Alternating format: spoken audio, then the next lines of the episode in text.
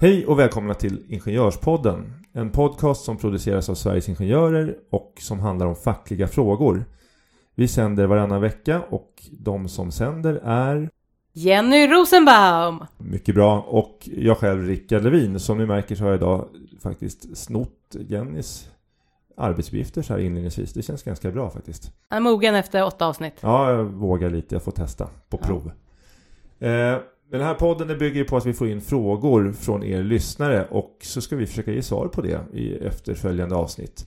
Och frågor skickar ni till Ingenjorspodden snabela sverigesingenjorer.se Vi kommer också att i slutet av avsnittet eh, försöka förklara ett fackligt ord eller det kanske till och med blir mer än ett fackligt ord.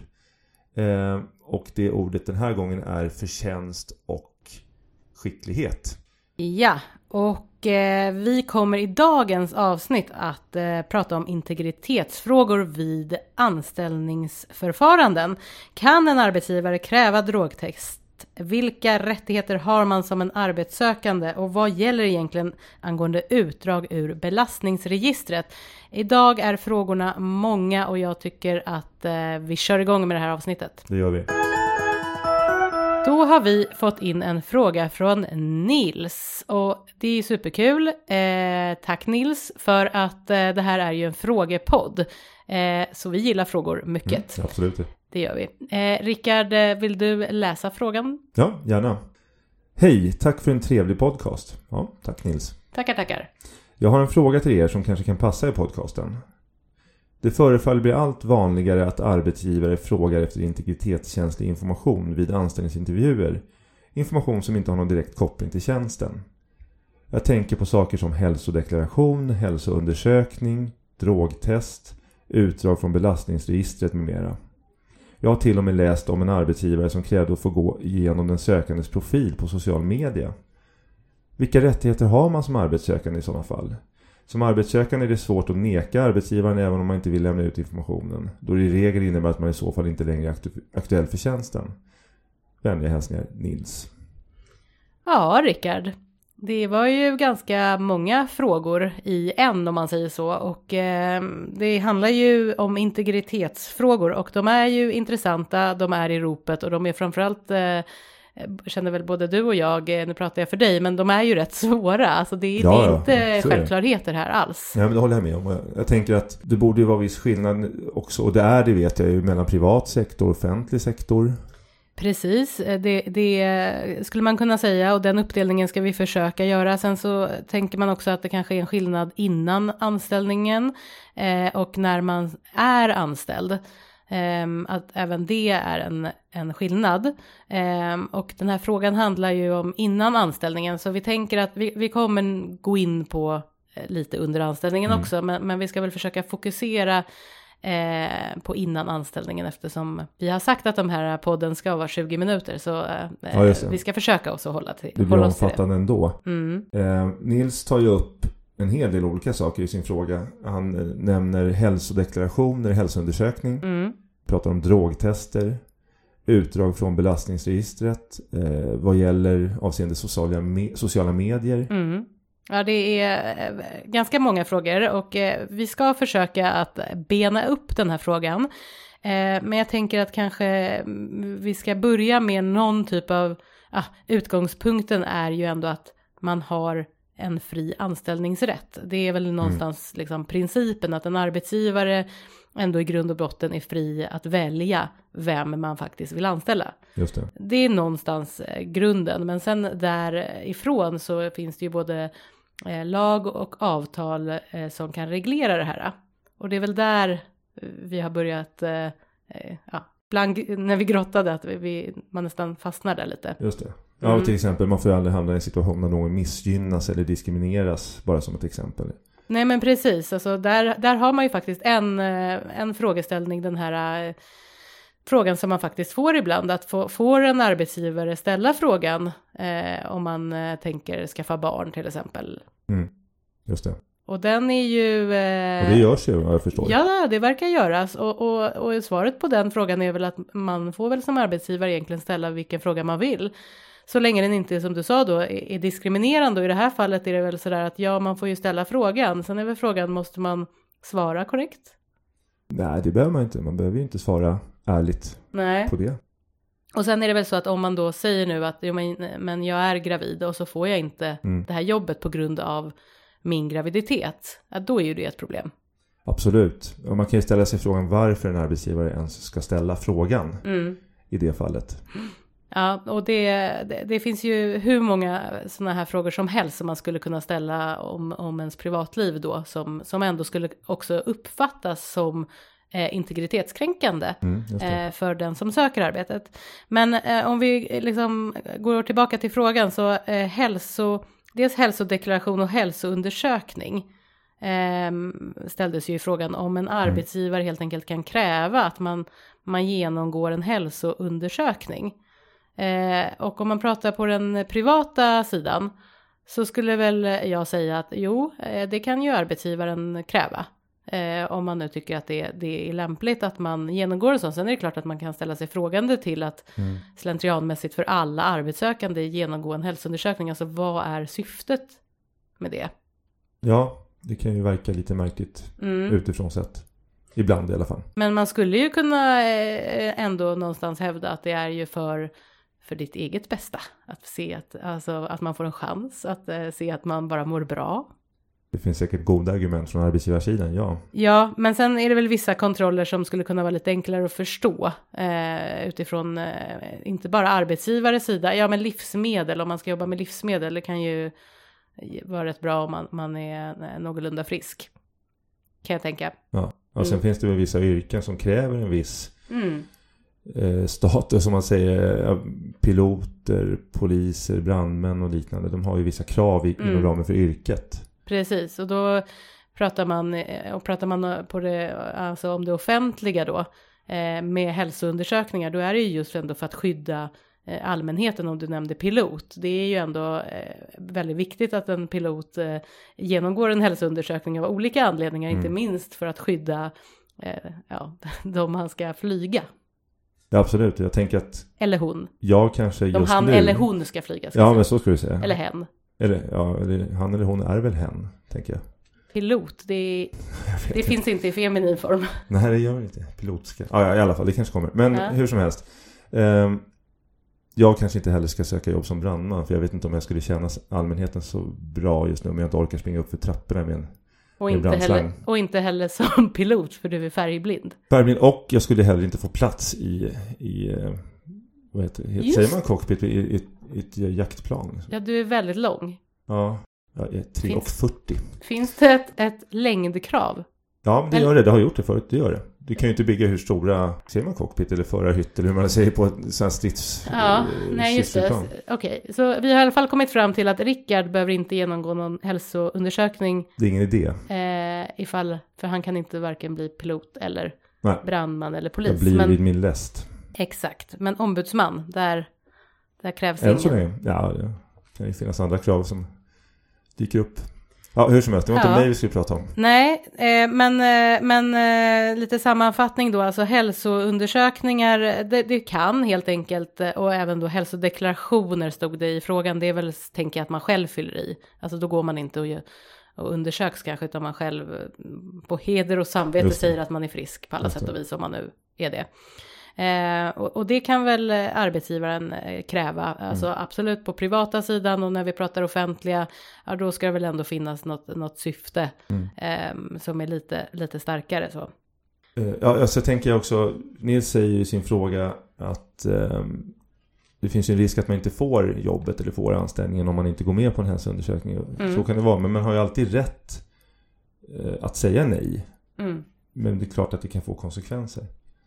Och, eh, precis, och drogtest, eh, samma sak där, det kan ju absolut få konsekvenser, men jag tänker också, nu vet inte jag hur vanligt det är på privat sida att man kräver ett drogtest innan man anställs, men på offentliga så finns det ju verksamheter, eh, Mm. jobbar inom sjukvård eh, exempelvis, kan, kan det, det ju vara aktuellt. Mm. Eh, men eh, drogtester känns ju mer ingripande, men eh, Jag vet faktiskt inte men det finns ju verksamheter, kärnkraft och, och Mm. alltså andra typer av verksamheter där det skulle kunna dyka upp. Jag vet faktiskt inte. Nej, och då är det ju liksom fara för allmänheten ja, om det skulle ja, vara det i ett stålverk, en, en drogpåverkad person. Ja, men sen så, eh, det här var ju lite innan anställning, men sen så eh, har vi ju även eh, vad som händer med hälsoundersökningar, alltså om man kräver hälsoundersökningar under anställning.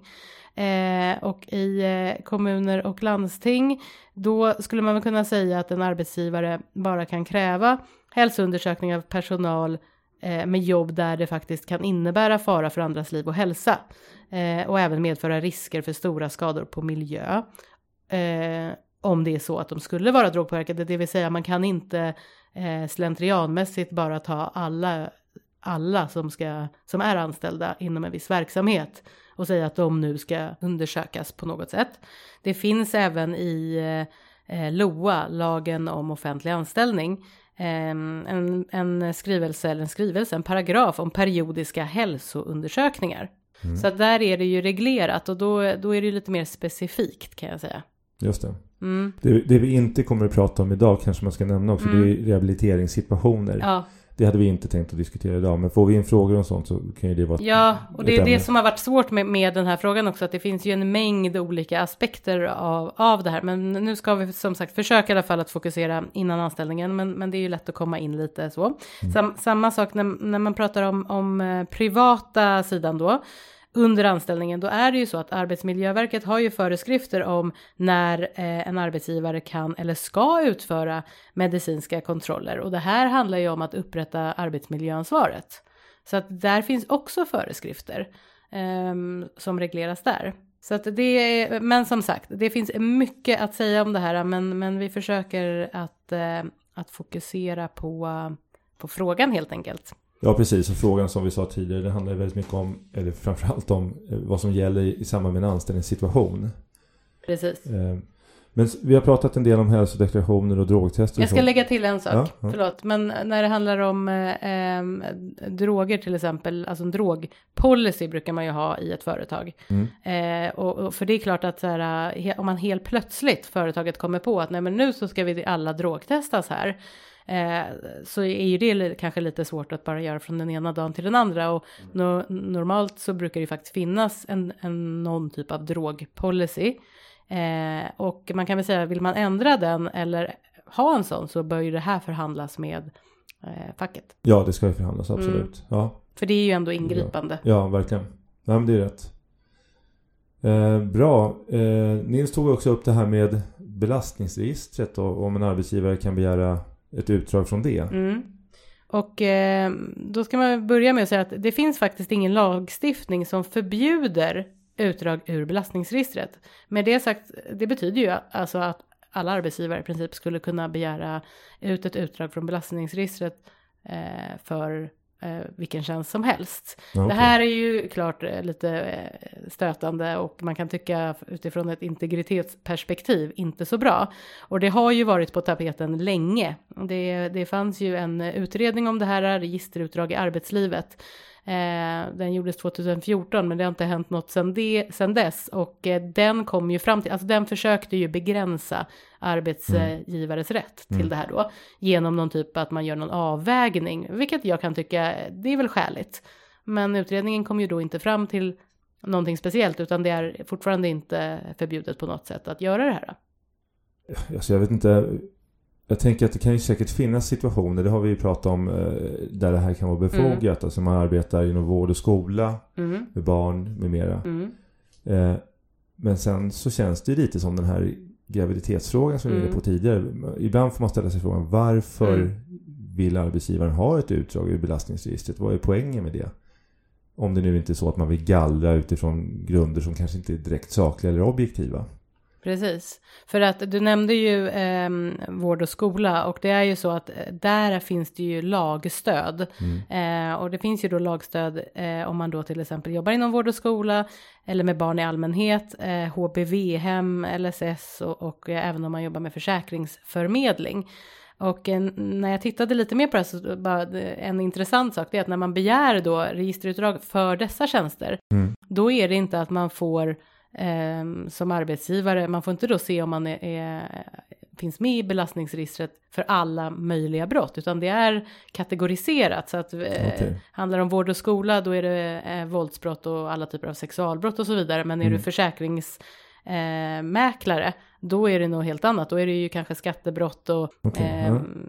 Signaturförfalskningar, urkundsförfalskningar och så. Det Då känner finns jag. det någon viss begränsning där då i alla fall. Precis, eh, att man, Mm. man får inte allting. Det kan man ju tycka lite vad, vad man vill om också såklart. Fast det, det är väl att de någonstans har gallrat då i att det ska ha med tjänsten att göra. Ja, ja. Och då kan ju det ändå vara en indikator på, kan jag tycka, att ja, men då kanske det inte är intressant som du sa för alla tjänster att man ska kunna veta allting.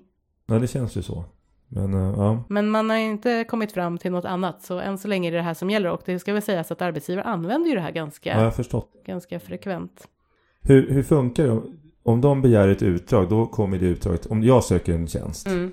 Och den arbetsgivaren begär ett utdrag i mitt belastningsregister. Mm. Då är det jag som får hem det utdraget hem till mig. Va? Det skickas Precis. hem till mig. Och sen så Precis. får jag komma och visa det för arbetsgivaren. Exakt, och då eh, har det ju varit någon sån här sanning som man i alla fall har hört. Det är ju att ja, men du ska komma till intervjun och du ska ha ett eh, kuvert med dig och det får absolut inte vara öppnat. Och så ska vi då tillsammans ska vi öppna det här kuvertet för att se liksom så här, tada, är det tomt eller inte? Och eh, det är väl, var väl lite mer kuriosa, men en intressant sak är att man behöver alltså inte ha ett oöppnat kuvert, utan det Nej. finns ingen, det finns ingenting, en lag där det står det. Sen är det klart att arbetsgivaren kan väl kräva det då. Ja.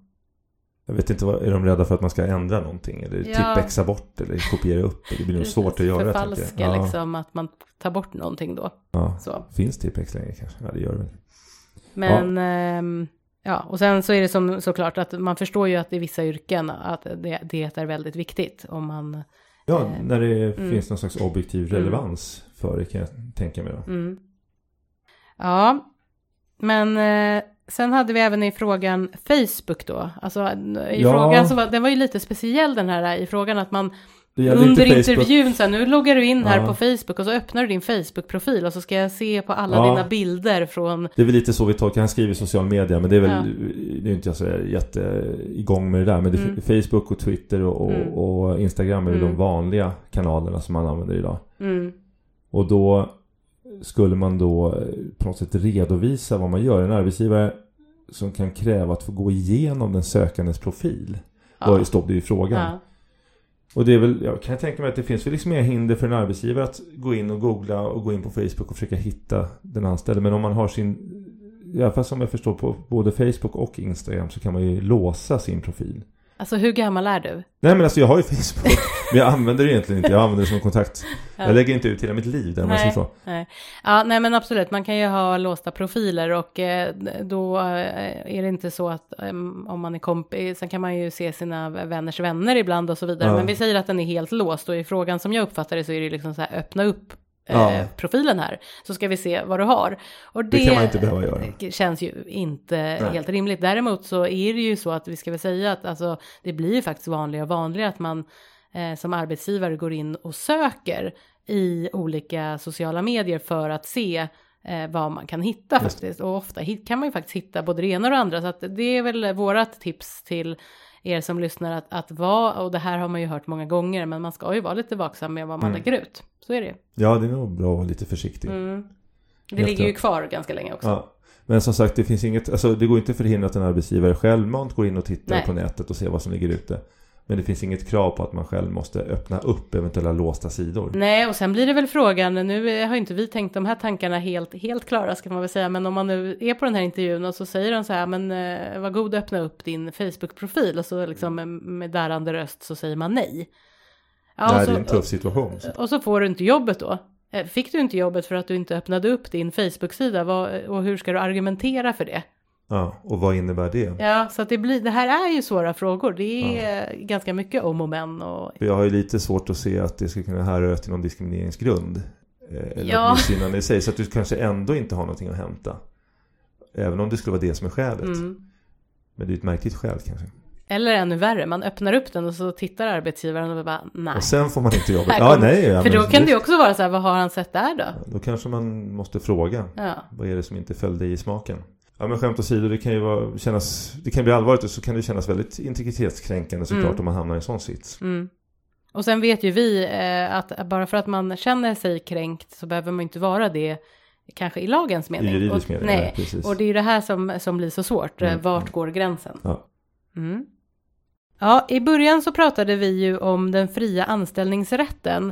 Eh, när det gäller statliga myndigheter så brukar man prata om förtjänst och skicklighet. Och det här kan ju vara eh, två ord som man kan eh, undra lite vad de vad är det helt Mm. enkelt? Och då, då tänkte ju du och jag att eh, vi... Det Eh, får bli veckans två, exakt, två fackliga ord. två fackliga Ja, ord. precis. Så Ja, att det det. Rickard, Mm. eh, varsågod. Tack ska du. Precis som du säger då Jenny så handlar det om statliga, statliga tjänster. Och det kan ju vara till exempel ja, polisen, Skatteverket eller vad det nu kan vara. Och när en sån myndighet ska anställa personal så är det tydligt att man måste beakta sakliga grunder. Och det, det är en sån hänsyn då som man pratar om. Eh, det brukar då kallas för förtjänst och skicklighet. Man ska bara ta hänsyn till det. Och förtjänst det betyder alltså den erfarenhet som den sökande har från tidigare anställningar. Och skicklighet, det är den sökandes lämplighet för anställningen. Och den myndighet som ska anställa någon, de ska alltså göra en helhetsbedömning av personliga egenskaper, teoretisk och praktisk utbildning och annan erfarenhet. Mm. Där kan man kanske hoppas att även en privat eh, arbetsgivare tar Mm. hänsyn till. Men det, det, här- det är vad förtjänst och skicklighet då innefattar. Och sen är det så här då att om man har sökt en tjänst och inte har fått tjänsten men ändå anser att man är bättre lämpad för tjänsten än den som fick tjänsten. Så kan man överklaga ett sånt här anställningsbeslut. Mm. Och det är ju en, en viss eh, skillnad Ja. om man eh, då skulle jämföra med den privata sidan. Ja, det finns ju ingen motsvarighet på den Nej. privata sidan. Det man kan eventuellt reagera på på den privata sidan, har vi varit inne på, det är om man anser sig ha blivit diskriminerad Mm. eller missgynnad på något sätt utifrån diskrimineringslagens eller föräldraledighetslagens grunder eller så. Men just eh, förtjänst och skicklighet, det är inte riktigt, det, de begreppen finns ju inte på Nej, samma sätt. nej. Även om de kanske borde finnas då. Ja, kanske man kan tänka. Ja, men eh, med de visa orden så kan vi väl eh, avsluta det här poddavsnittet och säga att eh, ja, vi hoppas att ni lyssnar om två veckor igen och glöm inte att skicka in nya frågor så att vi vet vad vi ska prata om. Precis. Mm. Ha det bra! Hej!